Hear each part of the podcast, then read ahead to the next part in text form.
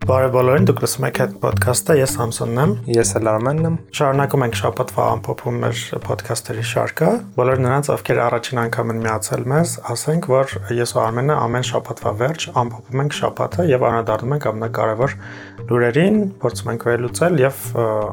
հավաստի ստուգված տեղեկատվություն հայտնել ձեզ։ Մեր ոդքասթը հատկապես այն մարդկանց համար է, ովքեր չեն հասցնում օրվա ընթացքում հետևել նորություններին, իսկ շաբաթվա ամփոփումը հնարավորություն է տալիս հասկանալ, թե անցնող շաբաթը ինչ իրադարձություններով է հարուստ եղել եւ դրանք ինչպես են ազդել Հայաստանի տարածաշրջանի կամ ընդհանրապես աշխարհի վրա։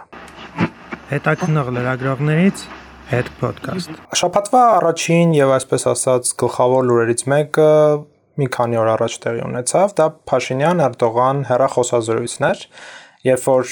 Հայաստանի եւ Թուրքիայի առաջնորդները հերախոսազրույց ունեցան եւ հենց ամենասկզբում հաղորդագրության մեջ նշված էր որ կողմերը շնորհավորել են միմյանց Գալիկ Վարդավառի իհարկե Թուրքիայի նախագահ Հայաստանի վարչապետին իսկ Հայաստանի վարչապետն էլ Կուրբան Բայրամի տոնի կապակցությամբ եթե ուշադրություն դարձնենք երկու երկրների հաղորդագրություններին էլ բար առ բար նույններ հետեւաբար կողմերը միմյանց հետ նախապես համաձայնեցրել են ամբողջական տեքստը եւ նոր հրապարակվել Ինչ էր ասվում, որ իրենք հավատարիմ են մնալու երկու երկրների հատուկ բանագնացների բանակցություններով ձեռք բերված պայմանավորվածություններին եւ հույս էին հայտնել, որ վաղ թե ուշ խնդիրը որոշակիորեն կլուծվի։ Տարբեր քննարկումներ եղավ, փորձագետների մի մասը հիշեցնում են, որ սա վերջին 10 տարվա մեջ թերևս առաջին հեռախոսազրույցներ Հայաստանի եւ Թուրքիայի առաջնորդների վերջին անգամ հեռախոսազրույց է ունեցել Սերժ Սարգսյանը եւ Աբդուլլա Գյուլը Հայաստանում տարբեր վերաբերմունք կար այս հեռախոսազրույցի նկատմամբ, սկսած քննադատությունից մինչև անգամ ողջույններ։ Թուրքիայում էլ էր գրեթե նույն դրամադրությունը, բայց ավելի շատ իրենք աջակցող, այսպես ասած, հայտարարություններն են, անգամ ողջունել այդ փաստը անդիմադիր քաղաքական գործիչ Կարո Փայլյանը, որ Էրդողանի կուսակցությանը հակառակ դիրքերում է հանդես գալիս։ Բացի այդ ողջունել էր նաև Պոլսի հայոց պատրիարք Սահակ Մաշալյանը, Հայաստանի Հանրապետության հատուկ հանձնարարություններով դեսպան Էդմոն Մանուկյանն էլ եւս հայտարարել էր, որ քայլեր են ձեռնարկվում ել ավելի զարգացնելու այդ երկու երկրների հարաբերությունները բանագնացների բանակցությունների միջոցով։ Վաշինգտոնը եւս արձագանքել էր իր հերթին այս հայտարարությանը, հայտարարելով, որ իրենք վճռականորեն կողմ են հայ-թուրքական հարաբերությունների բարելավմանը, բացի այդ տնտեսական հնարավորություն կտար նաեւ տարածաշրջանում այդ տնտեսական շրջափակման, բացման եւ կոնֆլիկտներից հնարավոր խուսափելու համար։ Սամսոն Եվի հիշում է, չէ՞ որ հուլիսի 1-ին հանդիպել էին Հայաստանի եւ Թուրքիայի բանագնացները Դրանից հետո ռուսական ՌԻԱ Նովոստի պարբերականը հղում էր արել Թուրքիա արտաքին գործերի նախարարության իր աղբյուրներին, գրելով, որ Անկարան Երևանին շարունակում է անընդհատ առաջարկել, որ հանդիպումները կազմակերպեն ոչ թե ինչ-որ երրորդ երկրի տարածքում, այլ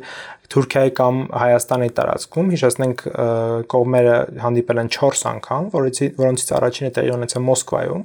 իսկ մյուս 3-ը տեղի ունեցել Վիեննայում։ Այսինքն սպասենք հաջորդ անգամ միգուցե հանդիպեն Հայաստանում կամ Թուրքիայում։ Հայաստանի արտաքին գործերի նախարարությունը դեռևս չի մեկնաբանում, որևէ կոմենտ այս առումով չի անում, տեսնենք թե ինչ կասի մեր ԱԳՆ-ը։ Անցնենք շաբաթվա երևի ամեն ամեն ամենաշատ քննարկվող թեմային, այդ հատիս լեռան գագաթին Հիսուս Քրիստոսի արձանի տեղադրման ցանկությունն է մի կողմից Գագիկ Ծառուկյանի մոտ, մյուս կողմից էլ մասնագիտական հանրույթի եւ ժողովրդի մեջ բավականին մեծ բողոք առաջացրեց այս որոշումը։ Մենք հետքում գրել ենք, որ Գագիկ Ծառուկյան բարեգործական հիմնադրամը սեփականության իրավունքով ձեռք է բերել Հատիս լեռան գագաթը 9 հողակտոր ընդհանուր առմամբ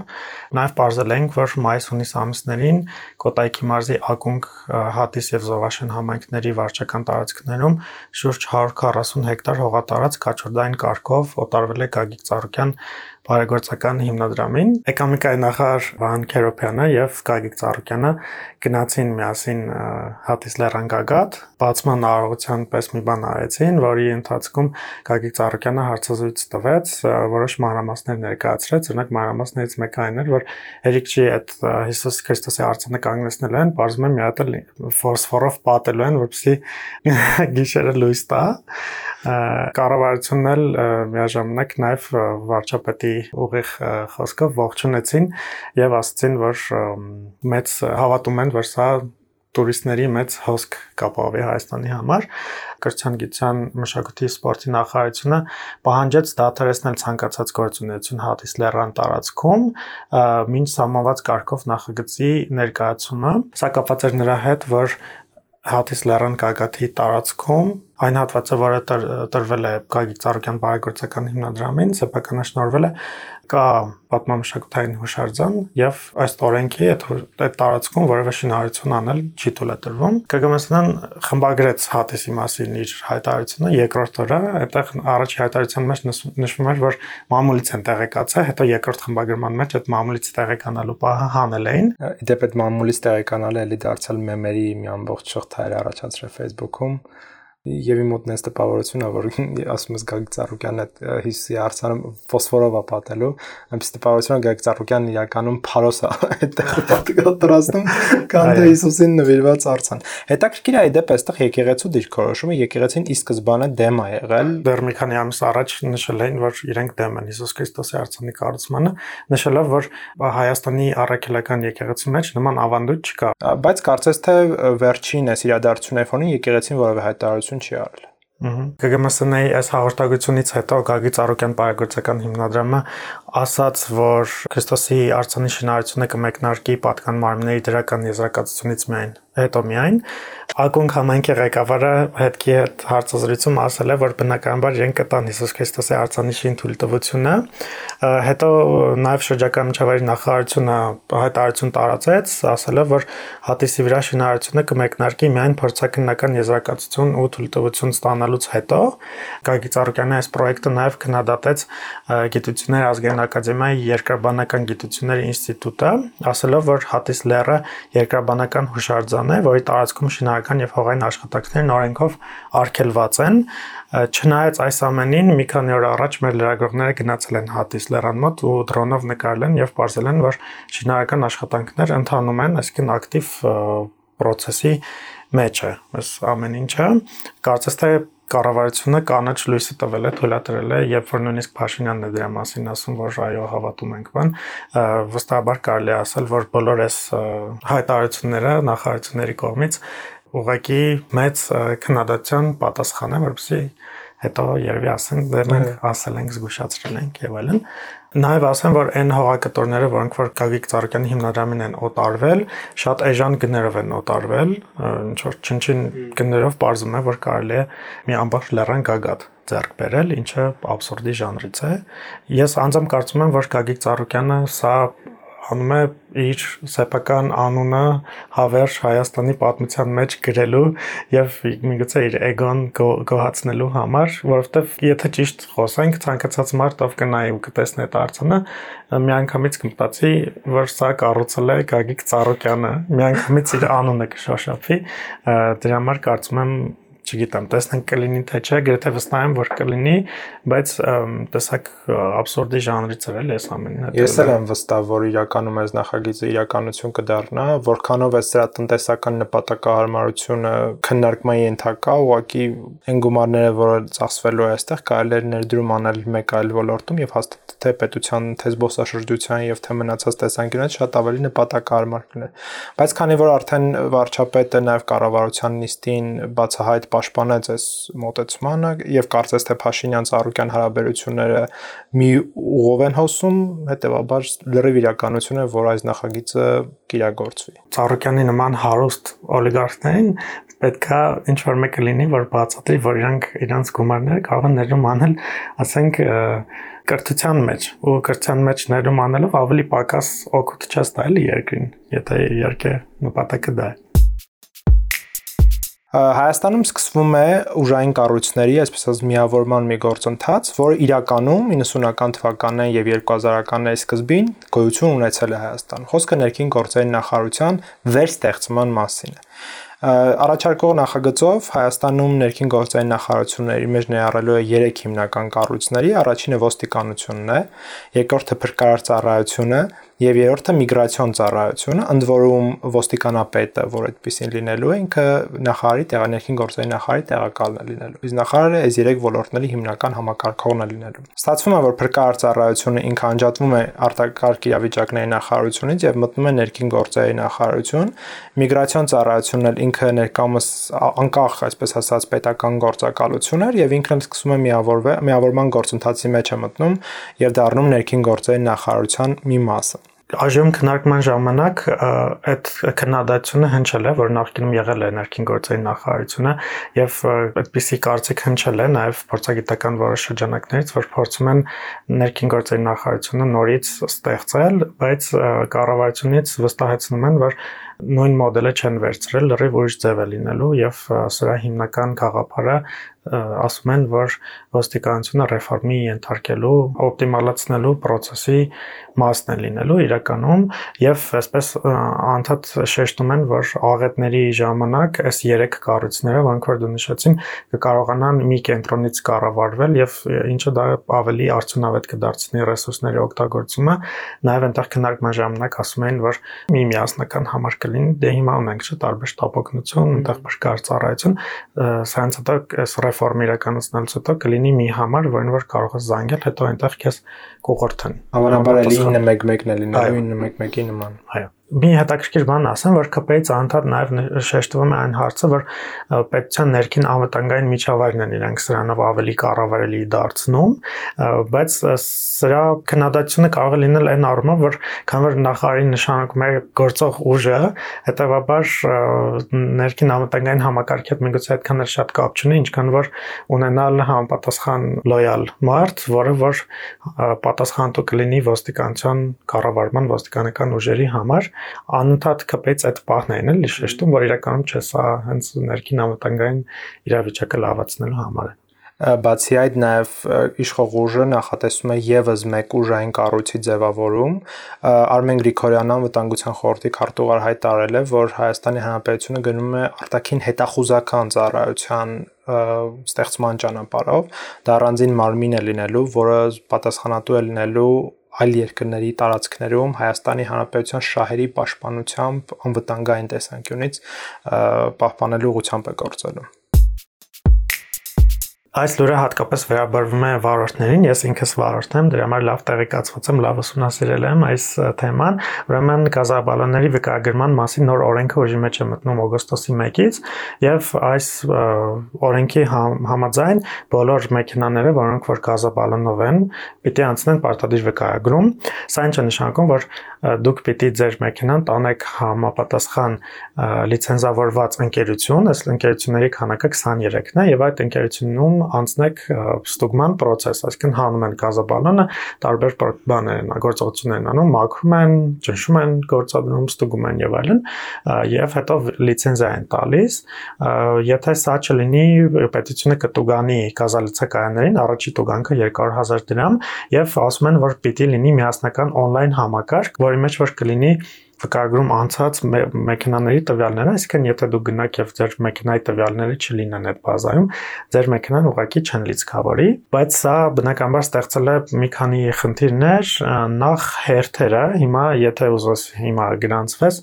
պիտի սպասես մի քանի ամիս, երբ սեպտեմբերի կես, մինչև հոկտեմբեր արդեն նայած տեղերում, բայց հիմնականում զբաղված են։ Մի այլ խնդիր էլ կա, որ տարածքային կառավարման եւ ենթակառուցվածքների նախարարությունը գները չի վերահսկում, ինչն էլ պատճառ է դարձել, որ գնաճի, այսինքն եթե նախկինում կարելի էր սա անել 9000 դրամով, հիմա գները 12000 դրամ եւ ավել, եւ տկինը ասում են մենք բան չենք կարող անել, մենք վերահսկում վերահսկման ֆունկցիա չունենք, ու այսպես բոլոր վարորդների մոտ մտավախություն կա, որ իրենք չեն հասցնի եւ այս գործընթացը հավանաբար կառավարությունը ստիպված կլինի որոշ ժամանակով հետաձգել ինչպես միշտ կառավարությունը ինչ որ օրենք է ընդունում, որը ուղղված է ինչ որ բարեփոխում է, ուղղված է մեր անվտանգությանը, այս լավ օրենք է, ես կողմ եմ սրան, բայց դրա համար չկան համապատասխան վայենթակարծվածքներ եւ իրականացումը այդքան տածված չի, ոնց որ ինչ որ անդադ մի խանգարող բան լինի։ Դրա համար եթե դուք մեքենա եք վարում, գազով է ձեր մեքենան, հիմա արդեն գնացեք հերթագրվեք, որովհետեւ արդեն շատ-շատ մեծ հերթեր են եւ այս պարտադիր կլինի։ Վերջի շաբաթվա ընթացքում, ընդհանրապես այս ամառվա ընթացքում ես անձամբ իմ մարմնի վրա եւ կարծում եմ դու էլ Արմեն եւ բոլորս, ովքեր որ Երևանում են ապրել, ապրում, զգացել են, որ ահավոր շատ է փոշին Երևանում եւ իրականում դա մի քանի պատճառ ունի։ Առաջի պատճառը դա նաեւ, որ Երևանում շուրջ 300 բազմաբնական շենք են կառուցում, այսինքն ակտիվ շինարարական գործընթացներ են գնում եւ այդ փոշին բնականաբար հելում լուծվում է քաղաք։ Մենք այս հարցին բարբերաբար անդրադարձ ստացել ենք հետքում ամենակարևոր պատճառներից մեկը նաև Երևանի շրջակայքում գործող քարհանքերն են 20-ից ավել քարհանքեր կան որոնք որ անընդհատ էլ այդ փոշու աղբյուր են եւ որոնց հանդեպ վերահսկողությունը շատ քիչ է եւ չեն պահպանում քարհանքերի համար նախատեսված տեխնիկական պարտադիր կանոնները այնտեղ պիտի ջրեն քարհանքը որ փոշին քիչ լինի մի խոսքով այդ ամեն ինչը չեն պահում ու մի, մի այլ պատճառը նաև այն այն է որ մեքենաների կատալիզատորները Հայաստանում ոնց գիտենք մեծ մասը հանած են եւ մեքենաներից դուրս եկող արտանետումները շատ ավելի շատ են ազդում մթնոլորտի աղտոտվածություն աղտոտվածության վրա եւ սա բնականաբար իրոք ազդում է մեր վրա ես օրինակ երբ որ գնում եմ ուրիշ Երևանից դուրս եմ մնում մի քանի օրով եւ ես եմ եւ ես Երևանից չեմ եւ դու Երևանից չես վստահ եմ զգացած կլինես որ երբ որ Երևանից դուրս ես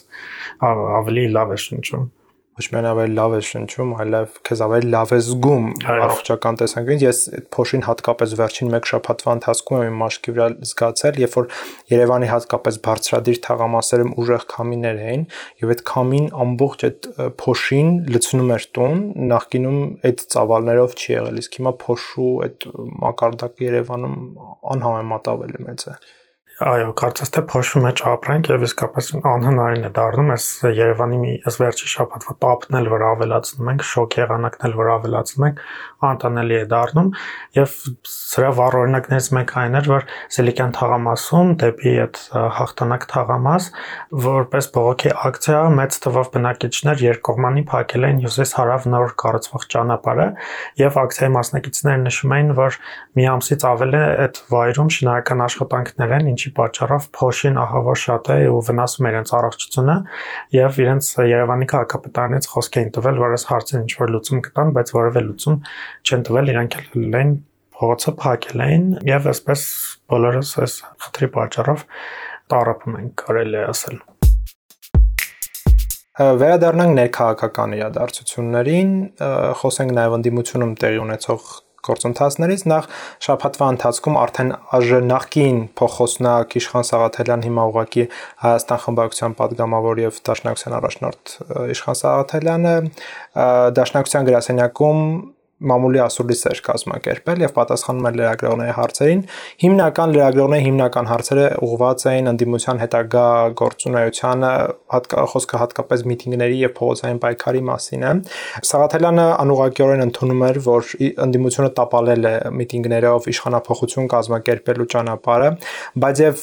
բաց հայտարարում էր, որ իրենք չեն պատրաստում վերադառնալ ազգային ժողով, այլ շարունակելու են պայքարել գործող իշխանությունների դեմ։ Ինքը ասում էր, որ ամենահեշտ տարբերակը իհարկե մանդատները դնելն է, բայց մանդատներով դնելով, ինչպես գիտենք, խորհրդանը չի ծրվի եւ դրանով ներքաղաքական գոնե իրենց պնդմամբ ճգնաժամը չի լուծվի։ Բայց եւ իրենք չեն պատրաստվում վերադառնալ ազգային ժողով եւ զբաղվեն երկրորդական նշանակության հարցեր, ինչպես պնդում է Իշխան Սաղաթելյանը։ Փոփոխությունը եղել նաև անդիմադիր պատիվ ունեմ խմբակցության ղեկավար կազմում, ինչպես գիտենք, երկու շաբաթ առաջ Արտուր Վանեցյանը վարի դրեց ինձ падգամավորական մանդատը եւ փաստացի պատիվ ունեմ խմբակցությունը փլուզվեց, որը կազմված էր հանրապետական կուսակցությունից եւ Վանեցյանի հայրենի կուսակցությունից Սերժ Սարգսյանի առաջարկությամբ Հայկ Մամիջանյանը, որ նախկինում զբաղեցնում էր այդ խմբակցության քարտուղարի պաշտոնը, դարձավ խմբակցության ղեկավար, իսկ Տիգրան Աբրահամյանը նշանակվեց Հայկ Մամիջանյանի փոխարեն որպես խմբակցության քարտուղար։ Եվ վերջին շրջանում նաև ակտիվ էին քննարկումները падգամավորներին, հատկապես խոսքանդիմադիր падգամավորների մասին, բացառությամբ Իշխան Զաքարյանի եւ Թագոյ Թովմասյանի, որ պատրաստվում է դիմել համանadական դատարան գործող խորհրդանական իշխանությունը եւ պահանջել մանդատների ձերկել ընդդիմադիր քաղաքական գործիչներ։ Ինչն էր պատճառը, որ նրանք չեն ներկայանում ազգային ժողովի նիստերին եւ ունեն բավարար չափով, այսպես ասած, բացակայություններ, որ เป զի նրանց հնարավոր լինի նրանց զրկել մանդատը եւ դա արդեն փոխանցել ըստ նրանց հերթականության կուսակցական ցանկերի հաջորդ ցանկում գտնող հաջորդ անձանց։ Սկզբում ԿՊ-ն այսպես ասած անընդհատ տանում են թեզը, որ իրենք պարտադիր դիմելու են ՍԴ եւ իրենք անգամ նույնիսկ ոմանք վստահ են, որ ՍԴ-ն այդ գաղափարին այսպես ասած իր դրական արձագանքներ տալու, բայց վերջին պահին հավանաբար ինչ որ ներքաղաքական պայմանավորվածությունների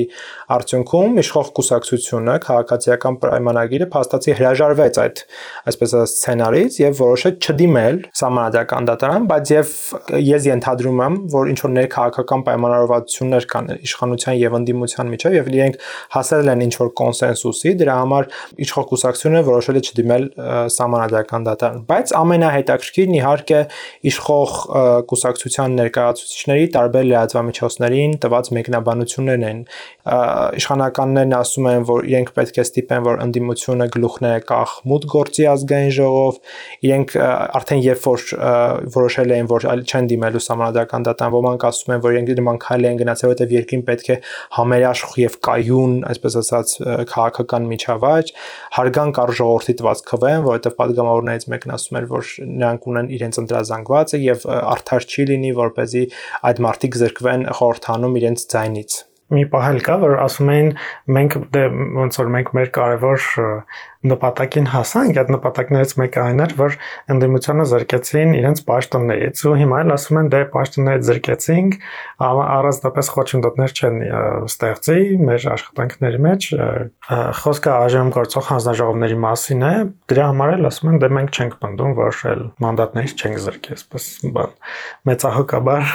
մեծահոգաբար։ Իհարկե, բայց իրականում շատ վիճելի է թե ինչով են իրանք իրենց խանգարում այդ հանձնաժողովները, որովհետև ամեն դեպքում հանձնաժողովների աշխատանքը ինքը ինքը ժողովրդավարական, այսպես ասած, սկզբունքներով է, ձայների པարս կամ բացարձակ մեծամասնությամբ են անցնում այդ հավանությունը, այսպես ասած, հանձնաժողովի ստանում եւ այստեղ չգիտեմ թե ինչքանով են իրենց ընդդիմադիրները խանգարում, դժվար է ասել։ Նաեւ ըստ օրենքի, բայց հանձնաժողովի նախագահները կամ փոխնախագահները օրենքն է ասում, որ պիտի լինեն ընդդիմության քվոտա կա, ինչ որ քվոտայով այնպես որ ԿՊ-ի ասացները այդքան էլ տրամաբանական չեն, այսինքն տրամաբանական են իրենց տեսանկյունից։ Երևանի նախկին քաղաքապետ Տարոն Մարկարյանն ու ԱԺ նախկին падգամավոր Գևոր Կոստանյանը ապօրինի գույքի բնագանցման ծանոթություններ են ստացել։ Ըստ դատախազության նրանք պիտի գան դատախազություն, ծանոթանան իրենց վերաբերյալ այդ կատարված ուսումնասիրության արդյունքներին ու իրենց դիրքորոշումը հայտնեն։ Մի քանի օր անց պիտի որ նրանք գնան եւ դատախազությունը նշում է, որ մի քանի տարբերակ կա կամ գործընթացը կգնա համաձայնեցման ճանապարհով, այսինքն եւ Արոն Մարկարյանը եւ Գևորգ Կոստանյանը համաձայնություն կտան եւ ապօրինի ցակում ունեցող գույքի առնվազն 75%-ը կփոխանցեն պետությանը կամ եթե իրենք համաձայնություն չտվեցին նման սցենարին դատախազությունը արդեն հայց կներկայացնի դատարան որպեսզի ամբողջ ծավալով բռնագանձեն իրենց այդ ապօրինի գույքը դեռ մի քանի օր կա մի շաբաթվա ընթացքում կհետևենք այս լույն տեսնենք ինչ կլինի բայց կարծես թե խոսքը բավականին մեծ ծավալներով այդ ապօրինի գույքի մասին է Կհիշեք նախորդ շաբաթ ձեզ պատմել ենք Հայաստանում Կանադայի դեսպանատուն բացելու շուրջ այդ հանրային մեծ քննարկմանը եւ կհիշեք նաեւ որ Ռուսաստանի դեսպանատուն շատ էմոցիոնալ եւ բուրըն այսպես ասած հայտարարություն էր տարածել հետ քարծում էր ուղարկել արտաքին գործերի նախարարությանը հասկանալու թե ռուսական կողմի հայտարարության վերաբերյալ ինչ դիրքորոշում ունի Հայաստանի արտաքին քաղաքական գերատեսչությունը մանավանդ որ ԱԳՆ-ն ոչ ԱԳՆ-ն եւ ոչ ընդհանրապես ՀՀ ղեկավար որևէ տիպի մինչ այժմ որևէ մեկնաբանություն հայտարարություն այս դեպքի արդիվ չէին արել։ Մասնապես ԱԳՆ-ին հարցրել ենք, թե արդյոք ռուսական կողմի այս հայտարարությունը հայկական կողմը չի համարում հա արտաքին քաղաքականության միջամտություն եւ արդյոք այնտեղ կարգեժեք միած նախադասություն կապված հայ ժողովրդի անվտանգության եւ շահերի հետ կապված բարեկեցության հետ կապված եւ արդյոք ՀԱԳՆ-ն չէր հաճի համարում, որ այս սա ուղիղ սպառնալիք է Հայաստանի Հանրապետության ու հայ ժողովրդին։ Ինչպես միշտ, ինչպես բոլոր հարցումների պարագամ, ԱԳՆ-ն, այսպես ասած, հրաշալի խուսափել էր հիմնական հարցից եւ պատասխանել էր մեզ միայն մեկ նախադասություն, որ իրենք ողջունում են հայ-կանադական Հայաստանում նախ Երևանում Կանադայի դեսպանության բացմանը եւ ինչը ել ավելի կխթանի հայ-կանադական հարաբերությունների զարգացմանը եւ որևէ խոսք կգնեն փաստացի չեր ասել այս հայտարարության մասին, ինչը ամեն դեպքում շատ ցավալի է, որովհետեւ երրորդ երկիր, այս պարագամ ռազմավարական երկիրը ՀՀ արտաքին քաղաքականությանը միջամտող հայտարարություն էր արել եւ հանրային էր այդ հայտարարությունն արվել, իսկ արտաքին գործերի նախարարությունը որևէ արձագանք ու մեկնաբանություն չունի եւ ավելի խուսափում է, ակնհայտ երևում է, որ խուսափում է որևէ հայտարարություն կամ մեկնաբանություն անել այս ուղությամբ։ Նման արձագանքը նաեւ շատ լավ ցույց է տալիս դիրքորոշում, այսինքն երբ որ դու փորձում ես խուսափել եւ հստակ պատասխան չես տալիս, սա ոչ թե դիրքորոշման բացակայություն է, այլ շատ հստակ դիրքորոշում ես ցույց տալիս, ինչը բնականաբար շատ ցավալի է։ Մենք այս հայտարարության վերաբերյալ նաև հարցում ենք ուղարկել Ռուսաստանի արտաքին գործերի նախարարություն։ Իհարկե, ինձ թվում է, որ իրենք չեն պատասխանելու մեր հարցմանը, չնայած օրինակ նախկին դեպքերում միշտ պատասխանել են, բայց հուսանք Ռուսաստանի արտաքին գործերի նախարարությունը կպատասխանի մեր հարցմանը։ Եվ կարծես թե բոլորը մոռացել են COVID-ի մասին, բայց COVID-ը չի մոռացել երկրի մոլորակի մասին։ Վերջին օրերին ամբողջ աշխարհում, այդ թվում նաև Հայաստանում շատ մեծ տեմպերով աճում են COVID-ով վարակման դեպքերը։ Մասնապես վերջին երկու շաբաթներին 16%-ով է աճել COVID-ով վարակման նոր դեպքերի թիվը՝ ի համեմատած նախորդ երկու շաբաթների։ Հիմա աշխարհում բավականին տարածվում է այսպես շատ տարագրորեն Օմիկրոն շտամի BA4 եւ BA5 տարբերակները Օմիկրոնը ի տարբերություն մյուս շտամների, որ ինքը ավելի շատ տարածվեց ձմեռային ամիսներին եւ վարակման տեմպերով ճիշտ ենք շատ արագ էր տարածվում, բայց մահացության դեպքերը այս շտամից շատ ավելի քիչ են ի տարբերություն մնացած շտամների։ Այդ թվում նաեւ հոսպիտալացման դեպքերն են շատ ավելի քիչ։ Եվ ահական կոչ արել բոլորի երկրներին հետ վերադառնալ դիմակների կրման ռեժիմին։ Իհարկե նոր սահմանափակումները կատաստրոֆիկ ազդեցություն կունենան հատկապես հիմա համաշխարհային տնտեսության վրա, որովհետեւ առանձնանելես ռուս-ուկրաինական ճգնաժամի պատճառով աշխարհ շատ լուրջ մարտահրավերների առաջ է կանգնած եւ մի հատ էլ իդով պայմանավորված սահմանափակումները ել ավելի, այսպես ասած, այս ճգնաժամը ել ավելի կխորացնեն, բայց ամեն դեպքում իդի թվերն իրոք մեծանում են, դա փաստում են նաեւ բժիշկները եւ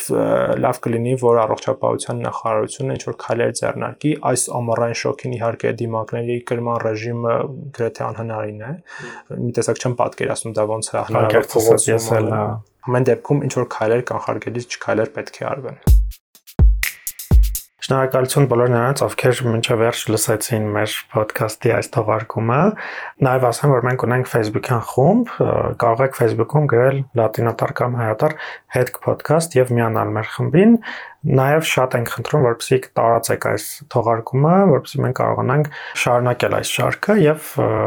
նաև լսարանը մեծացնել։ Մենք էլ խորհուրդ ենք տալիս ամռան այս տապին շատ հեղուկ խմել, շատ պաղպաղակ ուտել եւ անպայման այդ ամեն ինչը